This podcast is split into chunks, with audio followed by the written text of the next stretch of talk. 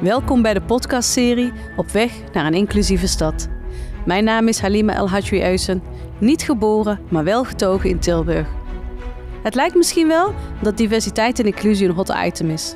Maar het in- en uitsluiten van mensen is helaas geen nieuw verschijnsel. Ook niet in onze stad. Tijdens deze serie ga ik in gesprek met mensen die zich vanuit hun expertise inzetten voor gelijkwaardigheid, rechtvaardigheid en gelijke kansen. Met hen ga ik op zoek naar de beren op weg naar een inclusieve samenleving. Vandaag is mijn gast Chiara Rieboch. Welkom. En met jou gaan we het vandaag hebben over kansenongelijkheid van jongeren, inclusie. Volgens mij nog over heel veel mooie uh, onderwerpen. Wil jij jezelf even voorstellen? Yes. Mijn naam is Chiara Rieboch en uh, ik ben uh, woonachtig in Tilburg-Noord ben daar opgegroeid en ben werkzaam als jongerenwerker. Uh, inmiddels projectleider bij het Jongerenwerk Renewed. Waar ik uh, het stukje cultuur uh, en talentontwikkeling daar projecten op, op begeleid en opzet. En als ik jou zou vragen, wie ben jij? Wie ik ben? Ja, ik, ik, ik ben opgegroeid in, in Tilburg-Noord. mijn echte familiemens. ik ben half Molux, ik ben half Nederlands. Mijn vader uh, is hier uh, geboren. Mijn opa is hier naartoe gekomen. En mijn moeder is hier geboren. Ja, dat vormt eigenlijk ook een beetje wie ik ben. Mijn identiteit, de culturen, de twee verschillende culturen. Ik ben tweeling. Ik heb een uh, tweelingzus, Jarana Rieboch. En ik heb een broer, Cisco Rieboch. wel bekend van breakdansen. Die reist heel de wereld rond. En mijn zusje is, zet zich ook in voor de maatschappij. Net zoals mijn moeder. Die werken bij de gemeente. Ja, ik werk bij Renewed als projectleider uh, cultuur. Ik richt me op talentontwikkeling. En dat heeft eigenlijk ook wel een beetje te maken met uh, uh, hoe ik opgegroeid ben in Tilburg-Noord. En kan je ons meenemen naar toen, toen je jong was? Toen ik jong was. Waar groeide jij in op en hoe zag jouw wereld eruit? Ja, mijn wereld was Tilburg-Noord, waar een AZC zat.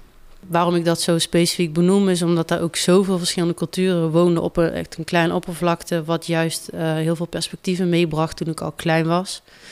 Woonde je in de buurt? Woonde je in die wijk? Ik woon in de wijk en uh, naast ons was een AZC en dat ja, verrijkte in mijn ogen echt, echt de wijk. Volgens mij toen een tijd los van de race of een van de laatste gebouwde uh, wijken was van Tilburg-Noord.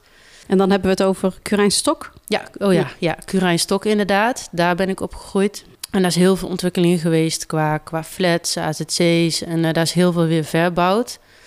Maar daardoor ook echt wel een diverse wijk is geweest. Daar heb, heb ik mogen opgroeien waar uh, ik uh, heel actief was. Al heel jong. hingen we veel buiten. Mijn broer is een soort rolmodel voor mij geweest. Omdat hij vroeg al ging breakdansen. En dan op een gegeven moment werd breakdansen buitenspelen voor ons. Gingen we en, dan, en dan gingen jullie buiten, legde hij een matje neer. Ja. En, uh... ja, ja, eigenlijk zo zijn we. Dat was mijn buitenspelen. En Tilburg Noord is ook heel erg goed voorzien van uh, sportvelden buiten in de wijken. Waar sport en breakdance heel erg één werd. En zodoende ben ik opgegroeid in een, in een soort hip-hop cultuur. Ben ik eigenlijk opgegroeid um, met daar ook de normen en waarden van de straat. En, daar, en wat zijn die normen en waarden? Uh, respect. Uh, je moet uh, laten zien wie je bent. Je kan niet laten zien dat je bang bent. En middels breakdansen konden we letterlijk soms dingen uitvechten op de dansvloer. En, en, en is dat dat battelen dan? Ja, dat, dat battelen. Kan... Oh. Ja. En, en, kan je ons meenemen, hoe, hoe ging dat? Ja, ik was acht. Ik was echt al heel jong. En toen kwam mijn broer thuis en hij nam me mee naar de Vlashof. En daar was buurtsport. Ines was daar. Dat is voor mij ook een belangrijke rolmodel geweest in mijn jeugd. Waar ik nu, nu weer samen mee werk. Super gaaf. Ja, daar kwam ik heen en er waren allemaal mensen aan dansen, maar ook trucjes aan doen. En ik kon niet helemaal plaatsen en muziek. En ik vond, ik vond het echt super vet. Toen kregen we eigenlijk gewoon les en daar ben ik eigenlijk gewoon mee gaan doen. En zodoende zijn we eigenlijk uh, een crew gaan vormen. Dat heette toen nog Funky Styles, heten we toen. ja, en uh, ja, je moet je voorstellen dat ik als enigste meisje was. Dus best wel een uh, masculine sport, breakdansen. Er waren er bijna geen meiden, maar ik betrok mij heel erg. Dat je eigenlijk zelf... Ja, ik, ik kan niet zo, je kan me niet zo goed in een hokje zetten, want dan word ik heel rebels. En bij breakdansen kon ik juist heel erg mijn eigen ding doen. En dan samen vorm je een crew en dan kon je tegen andere mensen kon, ja, kon je battelen, kon je hun uitdagen. En dan konden we op die manier uh, ja, elkaar uitdagen, weet je wel. Op een misschien leukere manier dan... Uh, dan maar dat was ook een redelijk veilige setting, als ik het uh, ja, ja, ja, ja, daar ben ik wel opgegroeid. Los van dat het natuurlijk ook echt wel... Ook, in noord in ook uitdagingen heb meegemaakt... waar ik opgegroeid ben als het gaat om ondermijning... konden wij wel elkaar vinden in het feit dat uh, breken mijn veiligheid bood eigenlijk als meisje ja. buitenspelende in soms wijken waar ja, bepaalde figuren uh, rondliepen. Dus die, die overleving, die neem ik tot op de dag van vandaag nog steeds mee. Ja, dat heeft breakdance mij wel gebracht. Maar ook niet je angst laten zien of zo. Op die manier overleven. En dus gebruik je dat nog steeds? Ja, op momenten? Ja. ja, ik hoor daar veel van mensen terug. Die wordt wel heel persoonlijk. Maar um, misschien doe je werk ook heel goed. dat is precies de bedoeling. Uh, ja, ik krijg vaak terug in het werk dat ik niet te lezen ben of soms wat nors uh, eruit kan zien. Maar dat heeft heel erg te maken met vroeger hoe ik moest overleven op de streets, zowel in het breakdansen. Ja, de uitdagingen die voor mij lagen. En ik heb gewoon echt hardwerkende ouders. Die gingen echt, uh, die, die werkten alle twee volop om ons natuurlijk te kunnen onderhouden. En ik had een heel mooi, heb ik nog steeds een heel mooie familie. Uh, mijn opa en oma, daar kwam ik dagelijks. En die woonden allemaal bij elkaar in de buurt. Mijn tante, dus dat zat allemaal goed. Ja, want dat voelt een beetje uh, tegenstrijdig. Hè? Aan de ene kant zeg je, er is een hele rauwe kant... Ja. waar je uh, moest overleven. En ja. ondertussen schets je een, een omgeving van veiligheid... heel veel familie die om je heen staat. Ja, ja en de bepaalde normen en waarden... die ik juist van mijn familie heb meegekregen... heeft wel gezorgd dat ik bij bepaalde uitdagingen... niet, niet daarin mee ben gegaan. Noem maar eens een. Ja, de, op de streets uh, word je wel eens gewoon opgehaald van... hé, hey, uh, kom en uh, je moet die in elkaar slaan of zo, weet je wel. Daar ben ik wel eens bij geweest. Of ja, je werd wel eens gevraagd van... hé, hey, kun je dit even wegbrengen? Heb ik allemaal niet gedaan. maar dat waren wel heel veel, ja, de soort uitdagingen die dat wij daar tegenkwamen. Dat was wel de heersende de ja. cultuur, om het maar even zo te noemen, ja. onder de jongeren. Ja, en ook omdat, je, omdat wij veel daar buiten hingen... was toen kwam er ook net iemand vrij en dan gingen we er gewoon mee breakdansen. Dus dat is ook wel een beetje een netwerk die je daar omheen had. Maar wel dat we elkaar vonden in, op een positieve manier. Ja, want eh, dat, dan zeg je bijvoorbeeld uh, jongeren die dus ook uh, verkeerde pad op gingen. Of meiden. Ja, nou ja, die zag ik ook. Dat is ook iets, hè. Je zegt automatisch jongens. Maar jongeren die... Maar die, kon, die konden wel een plek vinden. Dus dat was ook een soort safe haven voor, ja, voor de geraakteheid van mensen. Juist. En dat, dat heeft me altijd geïnspireerd van... hey, wat dit mij al heeft gebracht... laat staan iemand die daar echt in zit... of uh, met armoede kampt of et cetera... Um, dacht ik van wow, dit is wel echt sick. En ook de vertrouwen die je daarin krijgt... maar ook uh, de mensen die het faciliteren... en de mensen die je zo focussen op jouw talent... en wat je goed doet... dat dat heeft gezorgd van... wow, ik zou dit ook graag... als ik later groot ben, zou ik dit ook heel graag willen doen. Omdat ik denk ook dat onderwijs bijvoorbeeld voor mij heel moeilijk was. Ik werd niet uitgedaagd. Ja, je stopt mij in een hokje, dan word ik gewoon heel rebels of het interesseerde mij niet. Was je een uh, moeilijke leerling? Nou, ik denk zelf niet moeilijk, maar uh, ik denk dat leraren mij moeilijk vonden. Waardoor waar uitte zich dat in? Uh, ik ging altijd net niet net wel over. En dat is echt mijn dank aan mijn tweelingzus dat ik wel overging. Anders had ik volgens mij geen één school afgemaakt.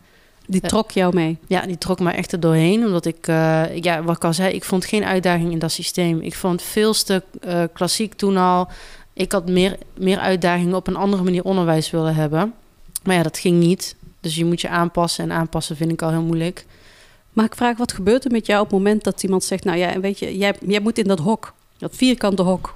Hè, dat systeem wat we met elkaar hebben bedacht. Ja. Wat gebeurt er met jou? Ja, wat ik al vaker aanhaal is dat ik daar heel rebels van word, omdat ik vind dat het anders kan. maar word je dan boos of, of, ga je dan juist het tegenovergestelde doen?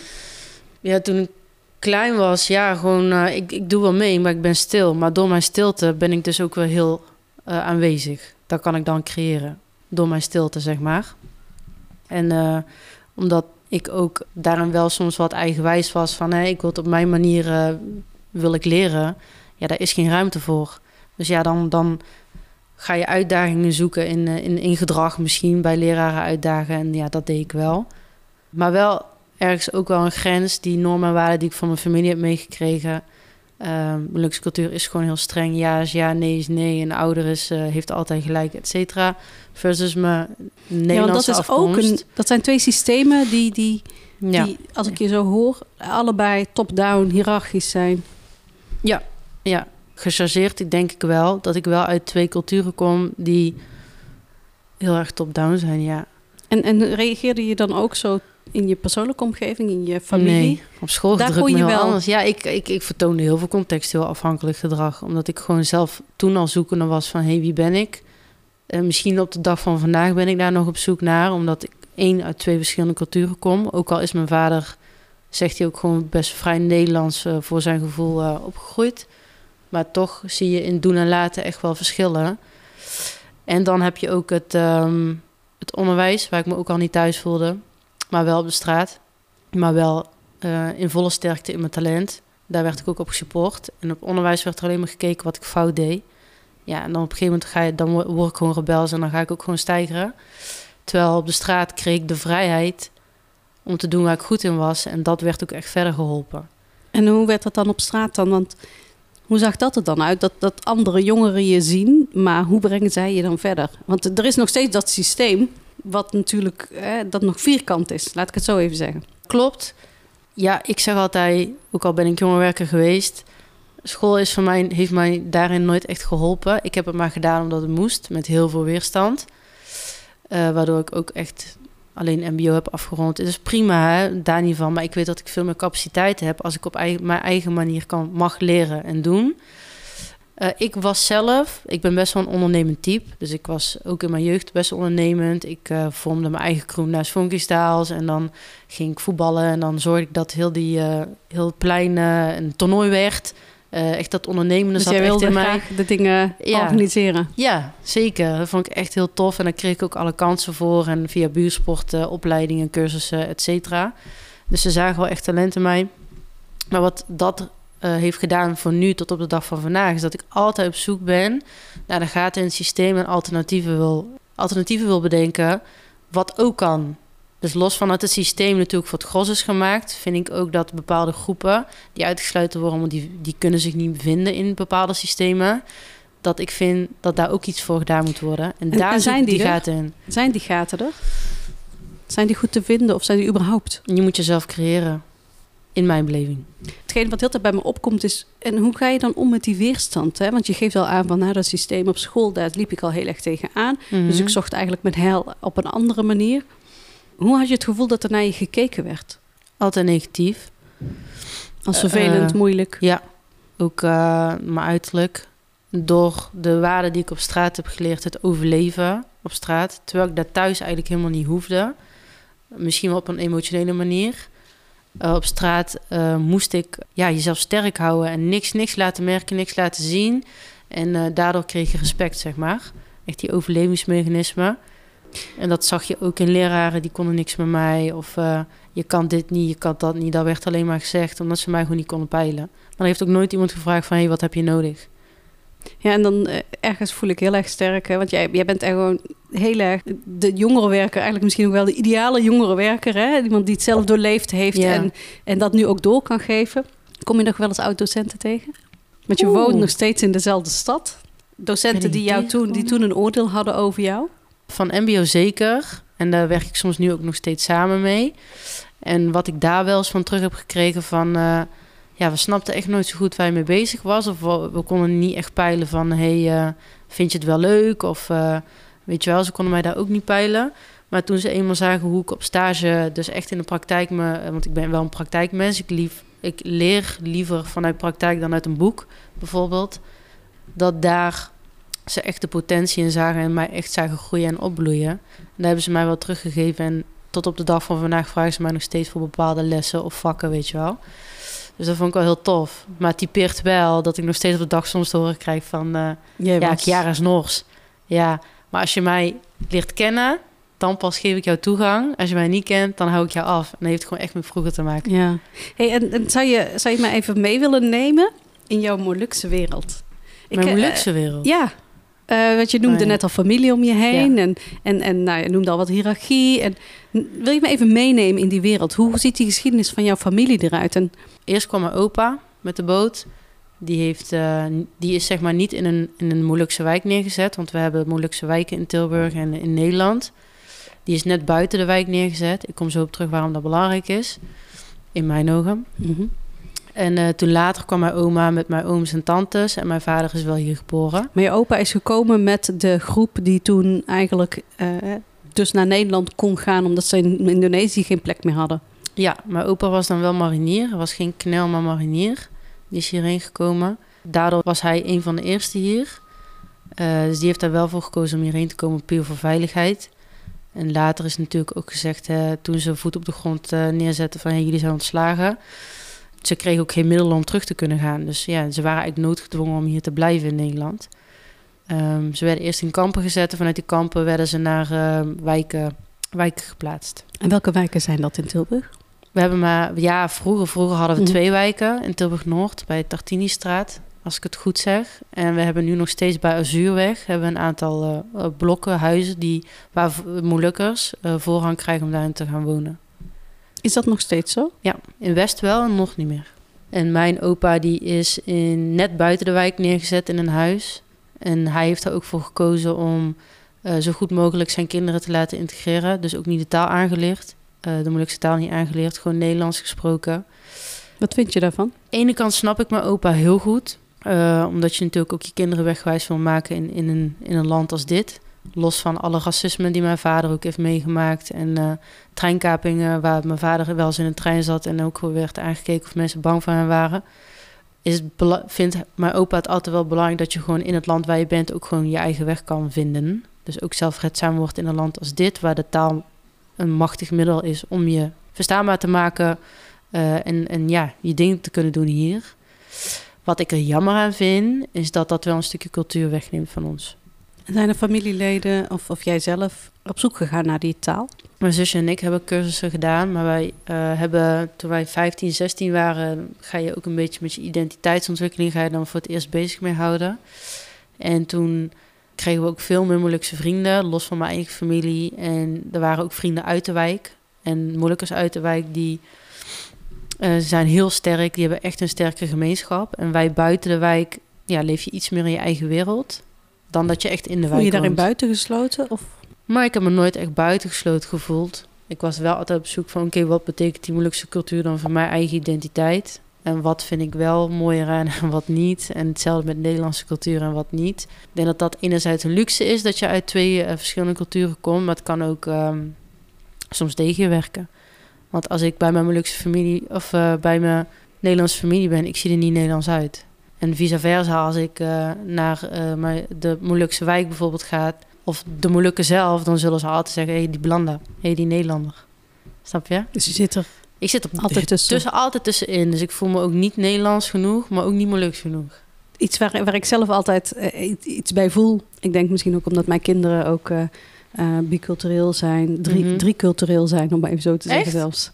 Ja, want mijn man is ook. Is, Ja. nou, ook. En, en we zeggen altijd half. En ik merk dat ik daar weerstand voel. Omdat ik- dat het lijkt alsof het, alsof het iets is wat, wat verdeelbaar is. Want je bent dan toch eigenlijk gewoon 100% Moluks en 100% Zo voelt het Nederlands. niet.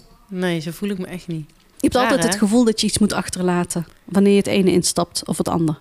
Ja, ja, je voelt je niet volledig. Nee. Niet, niet bij eh, de Nederlandse cultuur, maar ook niet bij de Molukse cultuur. Wat zou moeten gebeuren om dat wel volledig te kunnen voelen? Dat is een hele goede vraag.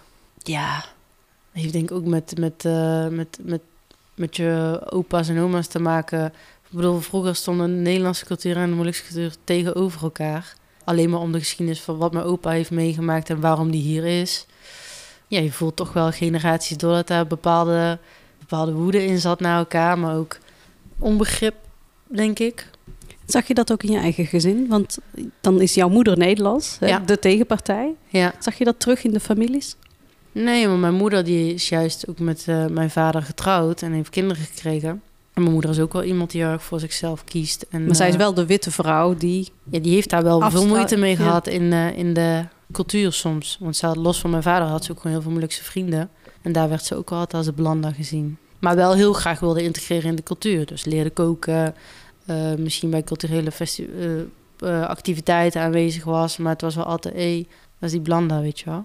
En mijn vader andersom. En je, en je vertelde over jouw vader, over jouw opa... Hè, die eigenlijk met eigen ogen onderdeel is geweest... of een onderdeel in ieder geval slachtoffer is geweest van een oorlog. Hè? Dus Mhm. met eigen ogen meegemaakt. Wordt daar, werd daarover gesproken? Nee. Nee, bij ons eh, ehm, is het zwijgen opgelegd. Heel lang. En je ziet nu mijn generatie, de derde generatie, uh, Molukkers, die beginnen nu pas te spreken. Ik, ik, zou je dat even willen toelichten? Want het zwijgen opleggen, is dat door iemand of door elkaar? Of hoe ziet dat eruit? Wat is dat? Um, ik denk het zwijgen opgelegd is ook wat je hebt meegemaakt. Dus wat ze hebben meegemaakt, uh, zowel in Indonesië en de Molukken als mijn opa heeft ook in een jappenkamp gezeten. Daar werd, ja, je werd gewoon stilgeslagen. Militaire opvoeding kreeg je mee. De tweede generatie hebben heel erg een militaire opvoeding gehad. Je luistert niet, dan krijg je gewoon een pak slagen met een pollepel of riem of weet je wel. En daar is de ouder heeft altijd gelijk. En als er iets is, dan zwijg je. En ik denk zelf dat dat heel erg te maken heeft gehad met de kolonisatie van Nederland in Indonesië en de Molukken. Dat daar het zwijgen letterlijk werd opgelegd. Zie je dat ook terug in gedrag van elkaar nu? Ja, ik denk dat ik dat zie door um, nog steeds uh, de ouderen hebben gelijk. Daar heb je gewoon ja tegen te zeggen en je hebt verder niks te zeggen. Soms die, in die hiërarchie zie je het terug. En de derde generatie nu, die zijn wel steeds meer op zoek naar het echte verhaal. Want niks is van ons gedocumenteerd, van de Molukse cultuur. Of verhalen van, maar het staat niet in boeken of, of weet je wel, het staat nergens beschreven. En nou de derde generatie nu, die staat wel op. Ook omdat we uh, een excuus van de, van de Nederlandse regering hebben gehad, 60 jaar later volgens mij, of 65, ik durf het even niet meer te zeggen. Dat daar... Heeft dat zo'n grote impact gehad? Ja, want uh, de Molukse jongeren die strijden wel voor onafhankelijk, nog steeds een onafhankelijk uh, staat in de Molukken. Wat nu... Dus dat zijpelt eigenlijk gewoon nog steeds door? Ja, nog steeds. En ook gewoon, um, ook al los van dat de eerste generatie Molukkers volgens mij echt nog maar op één hand te tellen is leven, uh, ga ik soms ook naar um, Molukse activiteiten waar we dus um, vragen voor onafhankelijkheid. Gewoon doe ik puur voor mijn opa mijn opa hopelijk te laten, te laten zien van... hé, hey, wat jij hebt meegemaakt kan echt niet. Wij willen gewoon die pardon hebben. Of pardon, we willen sorry. We willen sorry horen van een excuus van de staat hebben. En dat is uiteindelijk wel gebeurd. En daardoor zie je nou ook dat steeds meer het verhaal naar boven komt. Zijn, worden steeds meer mooiere documentaires gemaakt over waarom we hier zijn... Uh, over onze cultuur, wat kolonisatie heeft gedaan... en nog steeds in de moeilijke doorcijpelt. Maar ook hier in de, in de moeilijkste gezinnen. Leeft jouw opa nog? Nee. Nee. Die was uh, overleden toen ik uh, acht, acht of tien was al. Mijn vader is de jongste. En kun je me nog herinneren? Ja, ja, ja. En wat mooi is, op zijn sterfbed begon hij wel te praten over wat hij heeft meegemaakt. Dus dat is wel uh, bijzonder om te horen soms zijn verhalen. Het maakt enorm veel indruk op mij, dit verhaal wat je vertelt. Want ik merk ook, vaak denk je, en, en eigenlijk breng je mij ook heel erg terug naar mijn naar mijn uh, middelbare schooltijd, waar best wel een, een Molukse gemeenschap bij ons op school zat. En wat me heel erg herinnerde is de klededracht. Hè, mm -hmm. Waar bombenjacks, uh, op een gegeven moment werd het overgenomen door de commercie, maar ja. dat het echt een statement was. En ik zie nog een van de jongens voor me met uh, echt een lege broek aan en, en, en van die kistjes eronder. Nou ja, als, als, als jongere sta je daar totaal niet bij stil waar dat vandaan komt. Nee, nee. Je, moet je, denkt, oh, dat is gewoon een klededracht. Ja. Of dat dat waarschijnlijk de tweede of misschien bij ook wel derde generatie is. Waar zoveel trauma zit. Dat is echt niet normaal. En wat is er ook een deel die zegt van nee, we moeten dit nog steeds stilzwijgen? Nee, ik denk niet meer. Ik denk dat we dat doorbroken hebben. Omdat we juist steeds meer ons verhaal willen delen. Om te laten zien van wat het uh, ons allemaal heeft gebracht. Wat ik al zei, de eerste generatie die is heel boos. Ondanks ze echt nog maar een aantal leven. En dat we belangrijk vinden dat onze cultuur wel behouden blijft. En die samenhorigheid is zo sterk onder Molukkers. Maar niet uit, uit welke wijk je komt, want je hebt in heel Nederland uh, wijken.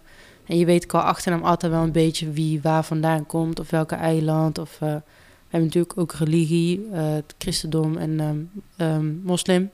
Dat zijn ook twee verschillende werelden.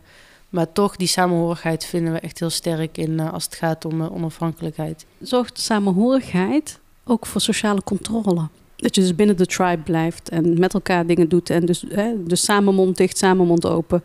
Ja. Ja, dat is wel echt. dat, dat kan de andere kant zijn van de samenhorigheid. Op die manier bedoel je zwijgen? Ja, maar überhaupt hè, de sociale controle. Want je wilt natuurlijk wel... Er zijn bepaalde normen en waarden, noem je. Hè? Mm. En zodra iemand naar buiten gaat, wordt dat dan ook gecorrigeerd? Het is gewoon sowieso een kleine gemeenschap. En ik denk in de wijk, als je opgegroeid bent in een wijk... dat dat veel meer geldt dan als je buiten de wijk bent opgegroeid. Ja, het is zo bijzonder om te, dat je dat zo noemt. Ik moest even schakelen op het moment dat je zei van ja, maar mogen mensen echt met voorrang op een, een bepaalde plek. Ergens druist dat ook weer in, hè? Die voorrang van mensen, Ja. op welke manier dan ook. Ja. Is, is dat uit een soort collectief eh, schuldgevoel vanuit Nederland? Is dat toch iets wat formeel dan ook? Ik denk het wel. Ik, eh, ik weet daar niet het fijne van. Maar wat ik wel weet is dat toen ze hier aankwamen in, eh, in de kampen werden gezet. Dus de barakken waar de, Joden in Vught, hebben gezeten. is onder natuurlijk een hele Vught. bekende. Ja, daar hebben ze bijvoorbeeld één gezin. Ja, vroeger had je gewoon grote gezinnen. Zaten ze soms met één familie, eh, die hadden negen man. Dan zat je in een klein barakje. En op een gegeven moment eh, heeft de regering dus letterlijk wijken vrijgemaakt... met het idee, wat hun altijd is voorgehouden... jullie gaan op een gegeven moment terug. En dat is dus nooit gebeurd. En ik denk dat vanuit daar dat verdrag, wat nog steeds geldt voor ons... dat dat nog steeds er is, omdat we nooit terug zijn gestuurd. Ondanks dat je weet dat ze eigenlijk nu daar helemaal geen macht meer in hebben. Ze kunnen dat niet meer teruggeven. Of is dat, het, is dat er wel? Wat bedoel je dan? Om in Indonesië de nee, die macht hebben ze niet meer, want Dus toen de Molukkers weggingen, is eh, Indonesië ook een onafhankelijke staat weer geworden. En is Nederland daar ook weggegaan. Dus dan is het een soort utopie om, dat nog, om ooit die onafhankelijkheid te krijgen, maar toch wordt er nog aan vastgehouden. Ja, je hebt nog steeds eh, in de Molukken zelf, dat daar nog steeds ook Molukkers eh, nog steeds als een onafhankelijke eh, land zien. En dat is het ook, dat geloof ik ook. En hoe is die verhouding ten opzichte van Indonesische mensen? Hier in In Nederland is het oké, denk ik. We hebben elkaar wel geaccepteerd. Het was vroeger niet zo. Op 25 april is de onafhankelijkheidsdag, RMS-dag van de Molukkers. En dan gingen ze altijd naar de Indonesische ambassade rellen. Om daar eh, voor de mensen in de Molukken te strijden. Omdat die daar gewoon heel onderdrukt worden als het gaat om je te uiten Nog steeds. over... Nog steeds de dag van vandaag. Eh, mogen geen vlaggen van... eh van mag niet getoond worden, anders word je gewoon vastgezet en gemarteld. Die onderdrukking vindt daar nog steeds plaats. Ben je er wel eens geweest? Nee, ik zou eigenlijk in 2020 gaan. Helaas door corona. Maar mijn zusje is daar wel geweest. En andere familieleden. Ik wil heel graag gaan. Vandaar dat ik ook zo'n... dat ik heel graag ook een beetje de taal wil spreken. Kan, ik kan het wel verstaan. Omdat ik natuurlijk ook wel mijn cultuur zelf heb opgezocht heel erg met mijn zusje. En ehm, zij ook een hele eh, mooie schoonfamilie heeft. Die ons heel erg omarmt en heel erg eh, meeneemt in de culturen. En die leren ons daar op de dag van vandaag nog steeds dingen over. Er valt zoveel te leren nog eh, over de Molukse cultuur. En als je daar naartoe gaat, hè, wat, wat hoop je daar te vinden? Wat ik veel terughoor is een soort thuisgevoel. Dat het echt voelt als thuis. Dat hoop ik daar te vinden, ja. Het landen. Ja, misschien wel. Maar ook wat ik... Ja, ik ben echt een familiemens. Dus ik vind het ook heel... Lijkt me heel cool om te zien hoe eh, mijn opa daar geleefd heeft. Of eh, ja, lijkt me heel nice. Ja, dankjewel. Ja, jij bedankt. Heel Ja. persoonlijk weer dit. Ja, dat is ook de bedoeling. ja, en dan, en dan eh, gaan we even fast forward. Chiara inmiddels van de middelbare school af. Misschien ergens geland. Toch het systeem ingegaan. Hoe verhoudde zich dat? Ging je dan ook minder naar de straat? Of, eh, Nee, eh, ja... of is de straat altijd een onderdeel van jou altijd een gebleven? onderdeel van mij gebleven. Tot op de dag van vandaag, denk ik. Ook in het werk wat ik ben gaan doen, het jongerenwerk. Eigenlijk na mijn eh, VMBO ben ik eh, in mijn vrije tijd altijd actief geweest... in het organiseren van eh, het eerste Jong wat in Nobelstraat eh, lag, heb ik georganiseerd. Buursport die mij ook ehm, uitdaagde in bepaalde cursussen te doen. Citytrainer tot cursussen waar ik echt les mocht geven... Want het breakdansen en het voetballen is altijd wel bij me gebleven. Want door het voetballen kreeg ik respect van alle jongens uit de buurt. Want ik maakte hen dan wel eens in. En dan konden ze niet hebben. Maar daardoor had ik wel het respect. Dat ik op sommige plekken gewoon makkelijk kon komen. En niet elk meisje kon daar zomaar komen, zeg maar. Dus hier op die manier heb ik moeten overleven. Dus heel erg in mijn talenten echt mijn best gedaan. En voelde je, eh, een klein afstapje maar voelde je daarin ook, eh, werd je ook omarmd door de meiden? Ja, zeker. Ik ging wel, ik zocht wel veel masculine eh, sporten op. Of buiten veel met jongens ben ik altijd omgegaan. Maar ik had ook zeker veel meiden om me heen. Die ook toch wel een randje straatcultuur hadden, net zoals ik. Die waren ik, er ook ik zie jou niet als een meisje-meisje die Klopt. met de meiden eh skincareavond gaat houden. Nee, dat klopt. nou ja, niet dat dat in die tijd nog echt zo'n ding was, maar Nee. Nee, ik had wel echt eh, meisjes, meisjes ook, ook wel om me heen hoor. Ja, we vonden elkaar gewoon eigenlijk heel stom, eh, heel goed op straat, maar ook op school dat we het gewoon niet leuk vonden of zo, weet je wel. Oh, je vond je eigenlijk in de gemeenschappelijke vijand Ja. die school heette. Ja, daar vonden we elkaar ook in. Vooral, eh, vooral mijn VMBO-periode. Ja. Heel veel met meiden. En je maakte toen de keuze richting het sociale werk. Dat was al vrij snel duidelijk, zei je? Ja, wat ik al zei, door, die, door mijn vrije tijd daar ook werd ik heel erg gezien en gehoord. En er werden me kansen gegeven en die heb ik gewoon gepakt. Eerst dacht ik, ik ga evenementenorganisatie doen, opleiding. Maar toen kwam ik er al vrij snel achter, oké, dat is niks voor mij. En toen ben ik heel even gaan werken. En daarna ben ik eigenlijk het sociaal werk gaan doen. Wat een beetje ook het evenementen in zich heeft. Dus dingen organiseren en waar ik mijn talent in kwijt kan. Of middels mijn talent kon ik dan eh, bepaalde vra- hulpvragen beantwoorden voor jongeren. Je zei net iets eh, wat mij een beetje triggerde en dat is, eh, er werden mij kansen gegeven. Heb je altijd iemand nodig die dat ziet om verder te komen? Ja, vind ik wel. Überhaupt de basis dat je gezien en gehoord wordt, is denk ik het meest belangrijke. Los van dat je dan zien ook wat je talenten zijn. En dat hoeft niet een topsport, dat je een topsporter bent, dat hoeft helemaal niet. Maar het feit dat ze in mij zagen dat ik goed kon voetballen en breakdansen, ja, oké.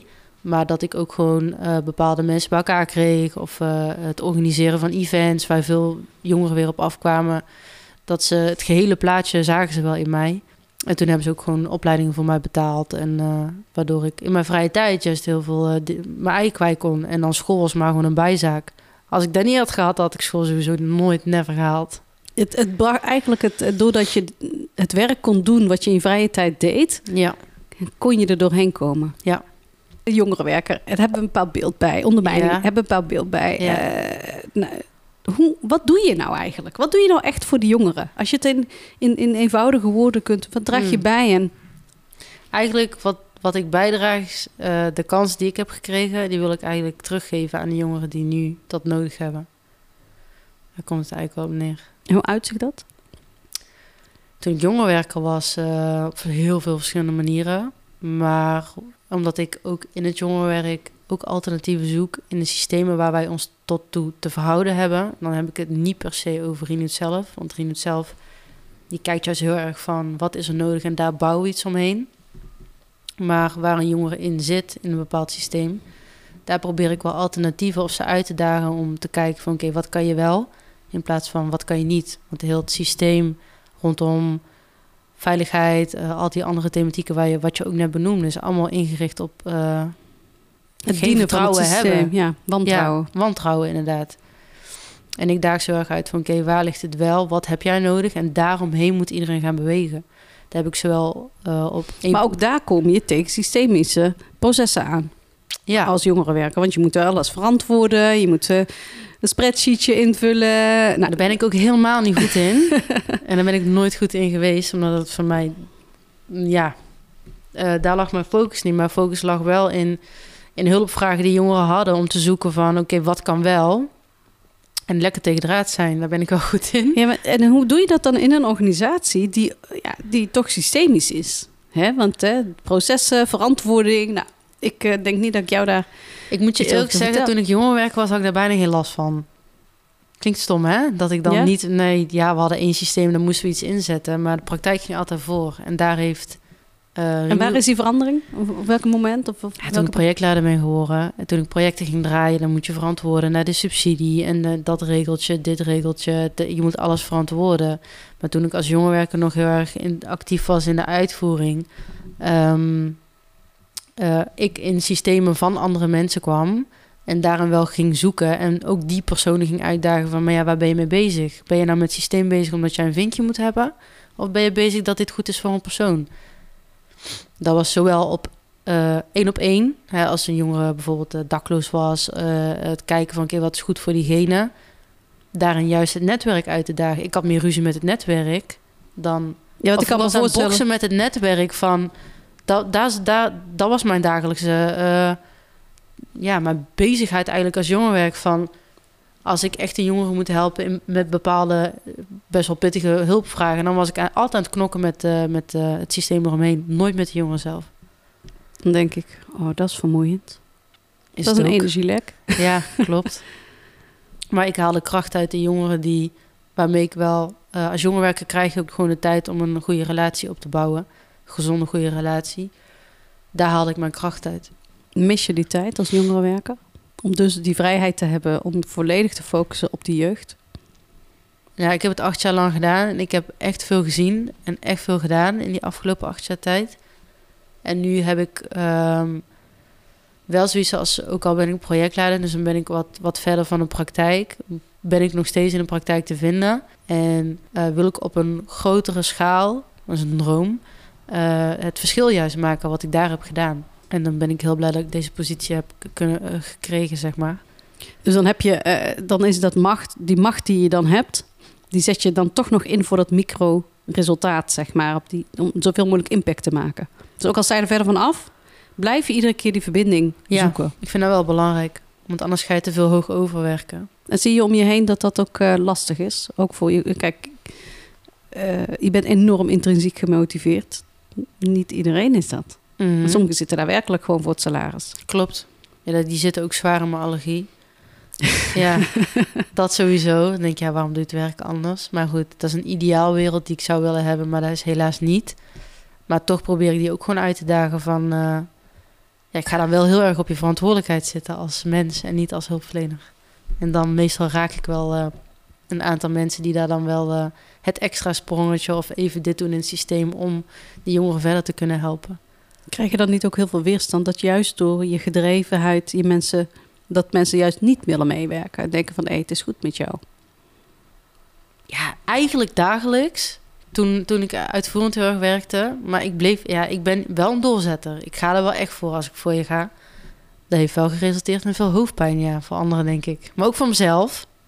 Ja, wat jou al zegt, ik ben zo intrinsiek gemotiveerd om als ik je dan wil helpen, ook op een goede manier wil helpen. En dan ga ik, ik ook echt gaatje. voor je. Ik ga door het gaatje.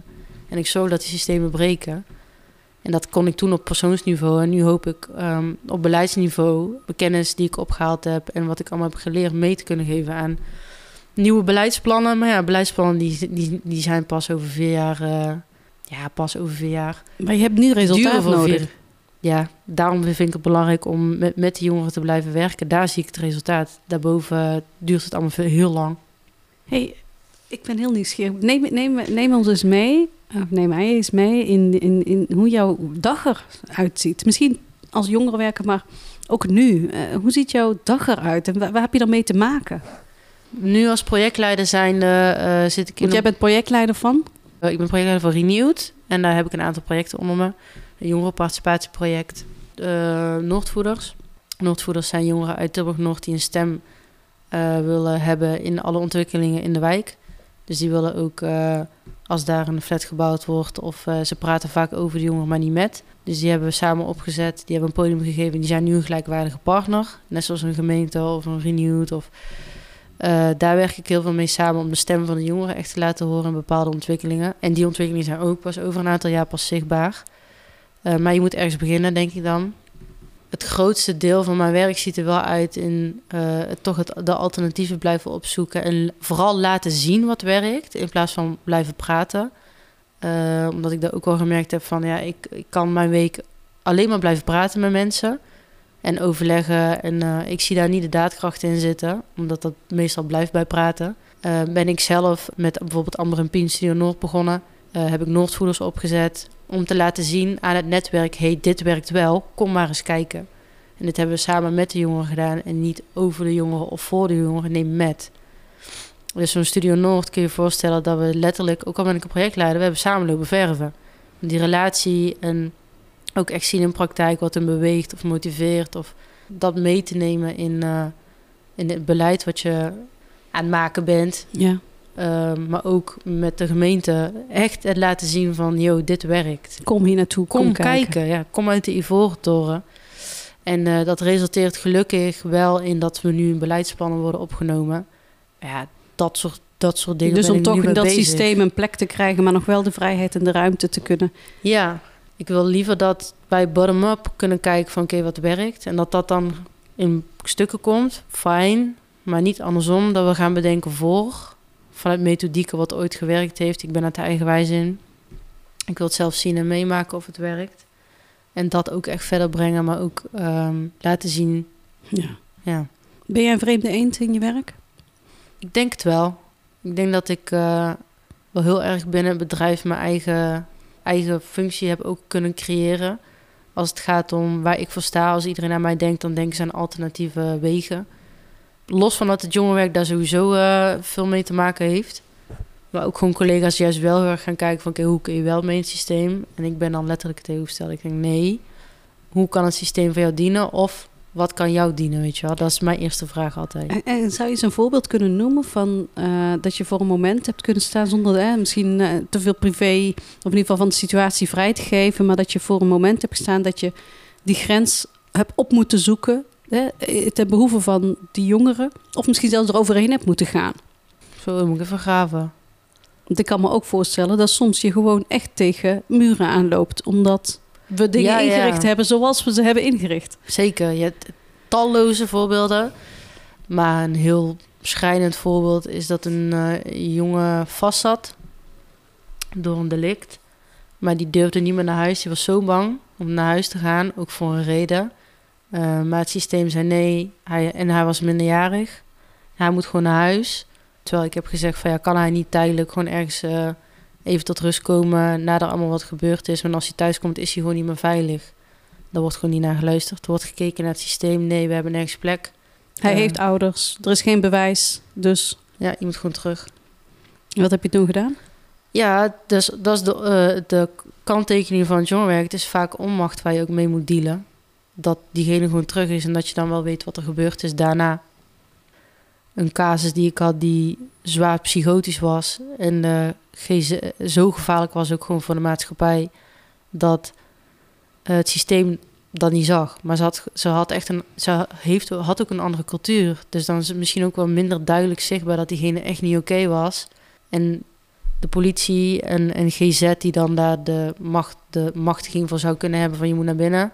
Ook gewoon zei nee, is niks aan de hand. En dan de volgende dag, ik zei binnen 24 uur, let op mijn woorden, zit zij hier weer binnen voor een delict. En ze zat binnen voor een delict. Die ze gepleegd heeft in uh, een psychose, omdat ze gewoon ook enerzijds niet weten wat voor cultuur en wat daarbij komt kijken, waardoor een meisje zich zo gedraagt. Ja, dan komt bij mij enorm veel frustratie. Ik, ik, kan, ik kan me niet voorstellen hoe je je dan op zo'n moment voelt. Ben je dan boos? Ja, ja. Er wordt heel erg gedwongen om naar jezelf te kijken. Van oké, okay, waar doe je het nog voor? Uh, omdat je weet dat je heel erg moet gaan kijken, oké, waar ligt mijn impact? Nou ja, je moet accepteren dat die gewoon heel klein is momenteel. En ik vind wel dat elke kleine beetjes of elke stap die je kan zetten voor een jongere helpt.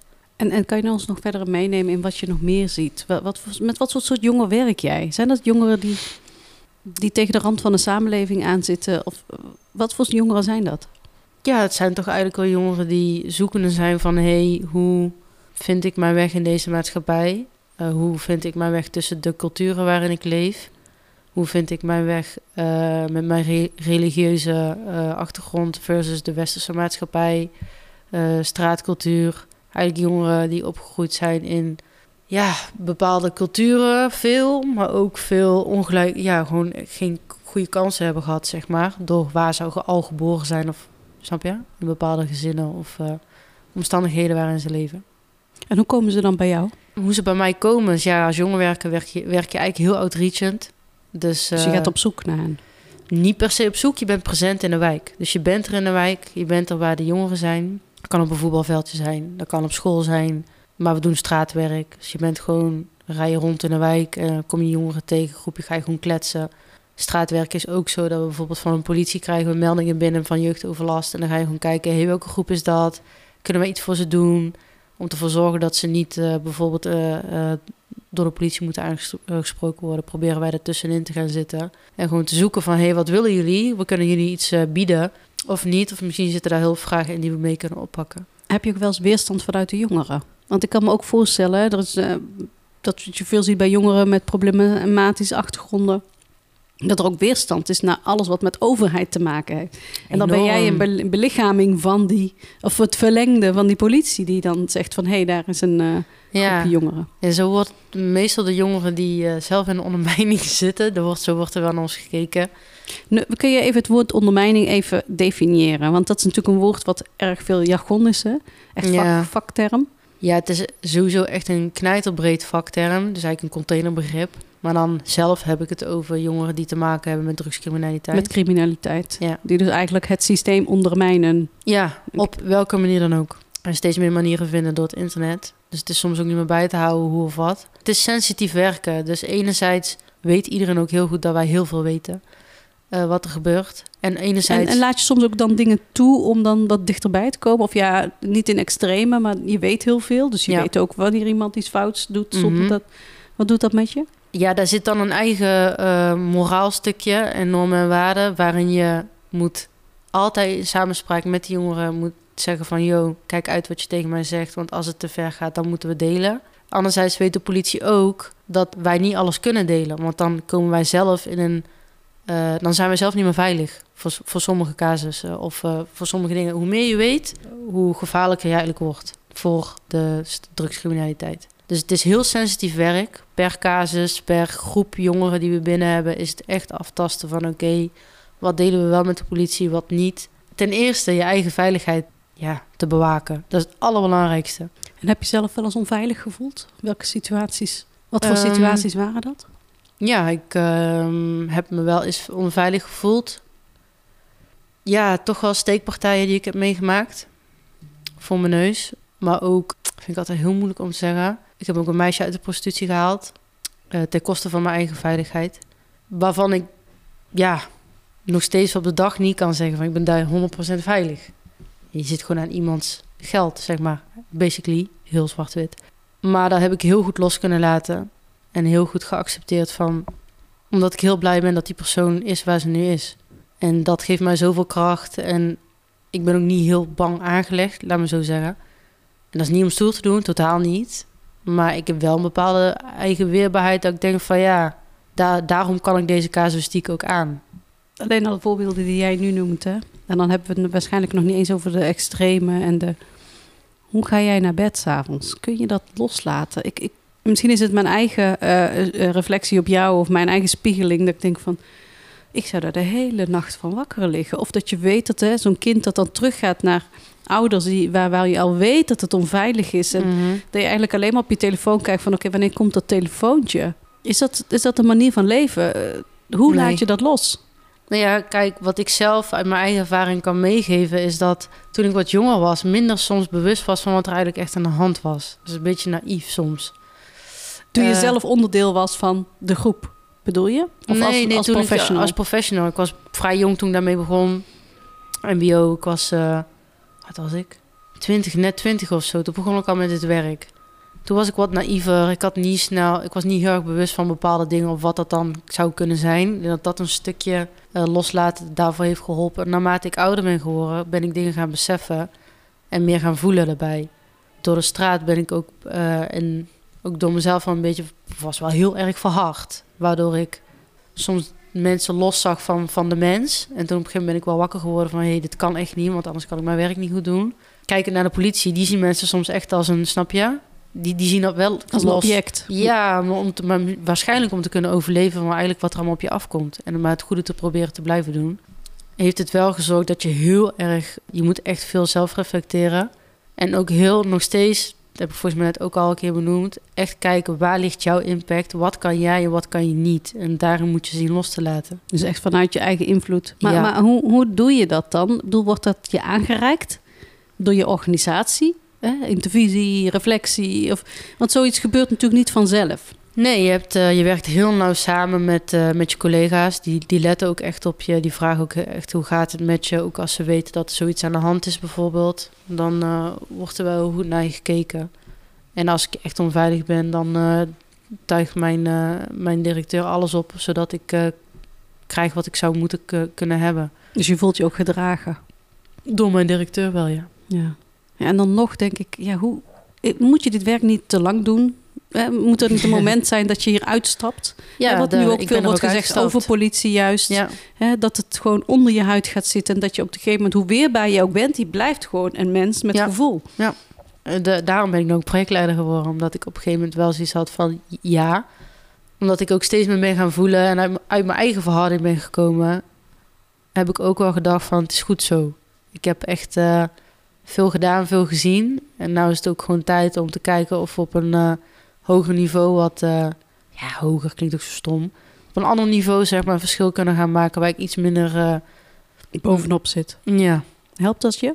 ja, ik denk het wel. Ik denk dat ik me wel trots op mezelf ben. En ik heb altijd dingen gedaan waarvan ik weet... ik kan mezelf nog steeds uh, aankijken in de spiegel. Dat zijn ook mijn eigen normen en waarden die ik ook van thuis heb meegekregen. En nou ook wel toe ben aan, uh, aan, aan een andere soort impact maken. Ja. En, en wat, wat je bijvoorbeeld, je noemde net de politie al, hè, dat er een soort beroepsdeformatie ontstaat. Ja. Uh, dat risico is natuurlijk ook onder uh, jeugd- en jongerenwerkers. Die continu ellende zien, dus denken, dus automatisch dat patroon aan, uh, aanzetten. Van nou, als ik dat soort type jongen zie, dan weet ik die en die, die, die, die. stereotype vooroordelen, wat je ook wilt noemen, die horen daarbij. Waardoor je misschien ook, als je het hebt over kansengelijkheid, zelf ook misschien gaat categoriseren. Ik zelf, en wat ik bij mijn collega's zelf zie, is dat dat niet zo is. Omdat, klinkt het misschien heel ideaal, maar dat heeft ook heel erg te maken dat je juist heel erg op persoon gaat zitten. Van wie ben jij? En elke thuissituatie is anders. En wij bieden echt maatwerk. Dus je kunt niet binnen een patroon werken eigenlijk? Of hè, dat terugkerend hetzelfde is? Nee, dat werkt niet. Maar daarom zijn we ook jongerenwerkers. We zijn volgens mij soms verschrikkelijk om mee samen te werken. Omdat we juist heel erg kijken naar, oké, wat is nodig? En daar gaan we pas naar kijken van, oké, hoe gaan we dat doen samen? En elke jongen heeft een hele andere vraag of een hele andere omgeving. Uh, wat ook heel andere werkprocessen met zich meebrengt. Als we het in vakjargon moeten uh, mm-hmm. ja, zeggen. Dus het is echt maatwerk. Los van dat, natuurlijk heb je een groep met mentale gezondheid. En die collega's heb je ook. Die zitten heel erg op mentale gezondheid. Ik heb daar wat minder affiniteit mee, omdat ik meer met die straatcultuur heel erg... Uh, ik, ben als, ik kom mm-hmm. daar zelf vandaan. Um, die zitten daar heel erg op. Los dat dat een containerbegrip is, vraagt elke situatie, elke jongere een andere vraag. En, en je noemde net, omdat ik er zelf vandaan kom, is dat een pre? Of misschien wel zelfs een must? Ik vind een must. Dus en je ik moet vind zelf ook wel die, de zogenaamde pijn hebben doorleefd. Ik maak hem even heel, heel erg, uh, chargeren me even. Mm. Moet je zelf dat ook echt doorleefd hebben... om ook dat te kunnen herkennen bij de anderen, bij de jongeren? Ja, het is een pre. Het is echt een pre, denk ik. Ja, misschien ook wel een must, ja. Ja.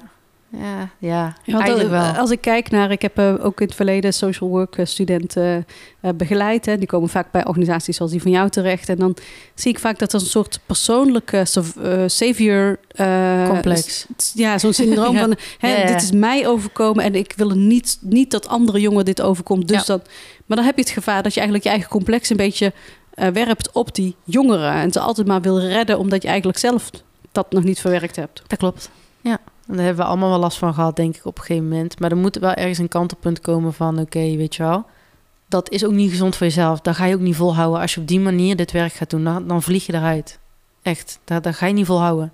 Als je herken vanuit... je dat bij collega's? Als er nieuwe collega's binnenkomt, er komt wat vers... Uh... Ik herken het vooral veel op opleidingen... dat daar heel veel jongeren zitten die zelf bijvoorbeeld nog bepaalde uh, hulpvragen hebben... hebben ja. of issues inderdaad. En die, die halen die diploma ook niet, bijvoorbeeld. Dus dat is al uh, denk ik een heel goed teken. Dat ze het niet halen, omdat ik dan mhm. denk van ja, wat te als je... ja, verstrekt als je zit in hun eigen trauma. Hm. Ja, want je moet echt... Uh, uh, ook jongerenwerkers die dat dus trauma nog niet hebben verwerkt... die komen zichzelf ook gewoon tegen op Ja, want het is een continu bevestiging van jouw eigen je wordt pijn. dat gespiegeld. Ja, ja, zeker. Die savior-complex zit er zeker in. Maar dat zie je volgens mij in heel hulpverlenersland. Ja, en dan denk ik, Wordt, jouw werk, wordt jullie werk wel gezien door eh, die, die, de hoge pieven, de mensen die het hoge beleid maken? Als je het dan hebt over kansenongelijkheid, het, het verschil tussen kansen van de jongeren met wie jullie werken en de jongeren die, die uh, uit, een, uit een ander milieu komen? Uh, begin van mijn werk, uh, toen ik net begon, maar überhaupt het jongwerk zelf werd vroeger altijd gezien als uh, oh, een beetje poelen, een beetje tafeltennissen. Dus dat werd heel erg ondergewaardeerd zwaar ondergewaardeerd. We werden ook in netwerken waar we soms terecht kwamen als we het hebben over een casus. Bij een veilig thuisoverleg werden wij nooit serieus genomen. Omdat we er ook soms letterlijk uitzagen als jongeren. Maar dat werkt juist heel goed. Omdat wij die de vertaling kunnen maken naar een bepaald systeem. En een vertaling weer terug naar de jongeren. En dat is een systeem dat over de jongeren praat en niet met de jongeren. Dus als ja. je, ook al zit je daar als professional, ja. word je niet gezien. Nee, professionals die bijvoorbeeld die praten, ook al zit diegene naast je, over jou, maar niet met jou en in vakjargon. Dan denk ik, ja, hoeveel afstand wil je nog meer creëren? En wij proberen die brug wel te slaan van, hey, ze hebben het over jou. Uh, hey, weet je, je komt ook voor de jongeren soms op, maar samen met elkaar. En als het gaat om het jongwerk aan zich, zie je nu pas, na een aantal jaar, dat nu zich steeds zichtbaarder wordt hoe belangrijk het eigenlijk wel niet is. dat wij uh, meestal het speel, speel in het web zijn voor een jongere om die bruggen te leggen, uh, zodat ze hun weg kunnen vinden uh, in de maatschappij. Als, als we even daarboven gaan staan en gaan kijken naar wie zijn de jongeren van nu? Wie zijn dat? Wat voor jongeren zijn dat? En, en ergens, nou, als ik de verhalen, de, de berichten lees, lees je vooral jongeren zijn depressief uh, of heel rebels of uh, willen niet uh, meer in een keurslijven. Hè, dat soort berichten mm -hmm. worden steeds vaker gedeeld. Onderzoeken onder jongeren die steeds meer de weg kwijt zijn, om maar even zo te zeggen. Ja. Hoe kijk jij daarna? ik beaam het wel wat ik zie in het werk. Ik mag mezelf geen jongere meer noemen. Officieel. Maar ik zie het wel. Ik denk, mijn eigen referentiekader, ja, daar, daar, daar zie ik het ook, ook van mezelf, dat ik soms ook niet meer weet waar, waar deze wereld naartoe gaat. Laat staan als je niet mediawijs bent. En daar bedoel ik mee dat je, als je, je op internet op zit, ja, op internet zit, zoveel informatie te, te vinden is.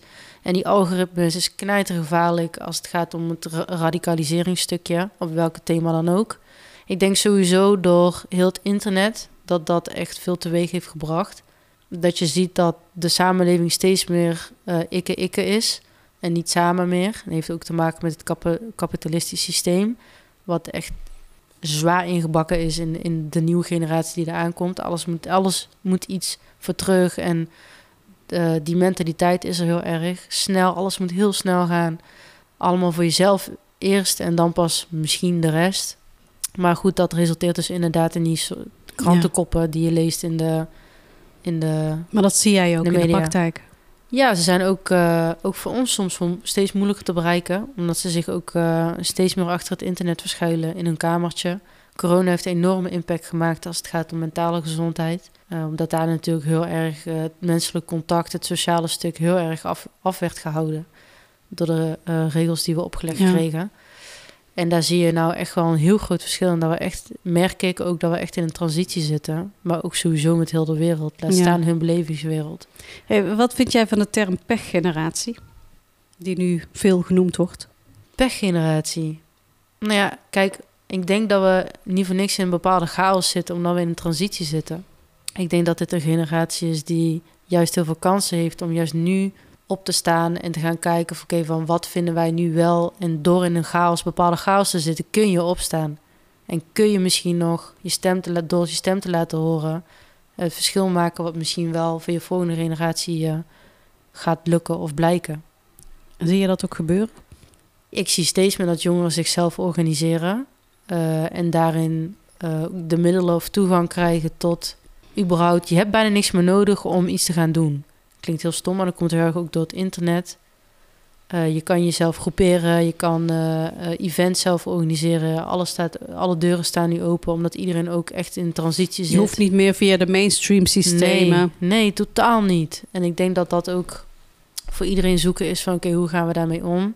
Natuurlijk zit daar een uitdaging in dat je groeiende gemeenschappen gaat krijgen... die bijvoorbeeld een bepaald ideaal hebben.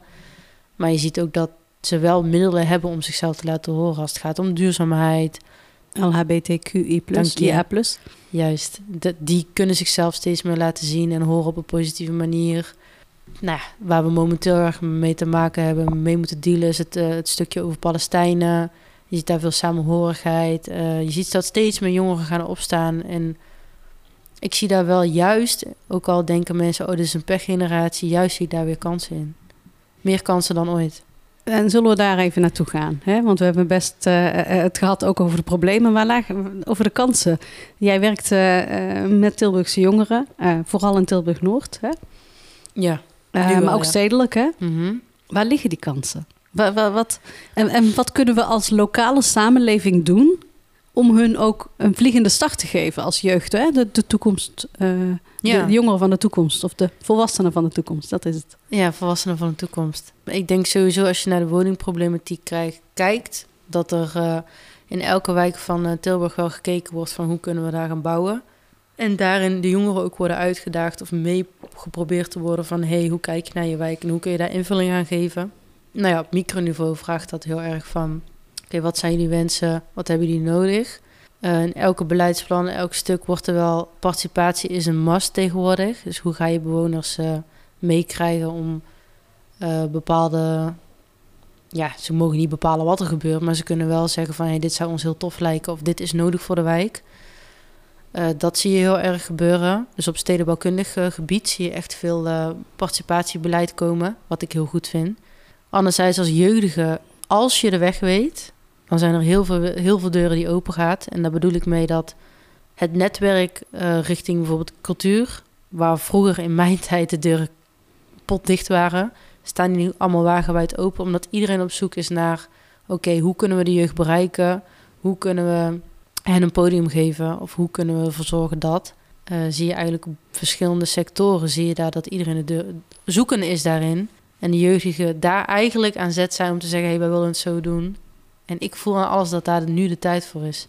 Alleen ze moeten het wel weten en de weg weten te vinden. En daar... Daar zit nu het werk. Daar zit het werk, in mijn ogen. Als we even gaan dromen, hè? Als we mhm. even vooruitkijken. Je zei net al, dat is mijn, mijn, uh, mijn uh, droom. Stel jij hebt jou, jouw eigen vrijheid om alles te doen wat je wilt voor de jongeren. Je hebt je eigen organisatie. Nou, laten we zeggen, de gemeente of de grote pot geld is van jou. Mm uh, alle mogelijkheden liggen voorhanden. Wat, wat zou je doen? Wat, zou je, wat is er nodig? Ja, ik zou als een malle zou ik uh, cultuurhuizen bouwen, sportaccommodaties in elke wijk. Echt veel meer. Kijken naar de race of die heeft helemaal niks. Bijna niks. Qua vrije tijdsbesteding. Ik denk dat vrije tijdsbesteding, vrije tijdsbesteding na onderwijs heel belangrijk is. Dat er ook gewoon in een eigen wijk dingen te doen zijn. Waar zij in aanmerking kunnen komen met, of geïnspireerd kunnen worden door. Er wordt steeds meer gebouwd en moet er ook meer wijkvoorziening Dus de fysieke communities uh, bouwen. Ja, ja, ja. En dat daar ook uh, lokale aanbieders, uh, ja, aanbieders inderdaad daar hun ding kunnen doen. En dat er gewoon letterlijk plek wordt gemaakt voor, voor elkaar. En dat dat ook met elkaar wordt gedaan. Dus ik zou echt uh, bijvoorbeeld bepaalde half famous overal in elke wijk neer willen zetten. Dat daar een kruisbestuiving is van sport, cultuur. Misschien ook uh, buurtplekken waar je gewoon samen kan komen voor wat dan ook. En die verbinding met de stad echt te gaan maken. Want ik denk dat er zoveel kracht zit in die wijken dat daar echt alle focus naartoe moet gaan. Ik denk dat we echt nog heel lang door kunnen praten. Ik voel ook van, oh, maar wil ik daar ook nog over hebben? En ik wil daar nog over hebben. En ik denk dat we, ja, dankjewel voor je openheid, dat in ieder geval. En voor je persoonlijke verhaal. En, en hoe dat zich verweven, hoe dat zich verweeft in, in het werk wat je doet. Dankjewel. Ik wist niet dat ik zo open zou spreken. dat doe je heel goed. Dankjewel. En, en jij ook bedankt.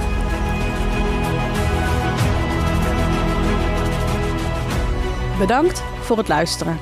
Wil je meepraten? Volg ons dan via de socials van de Inclusiefabriek en Omroep Tilburg.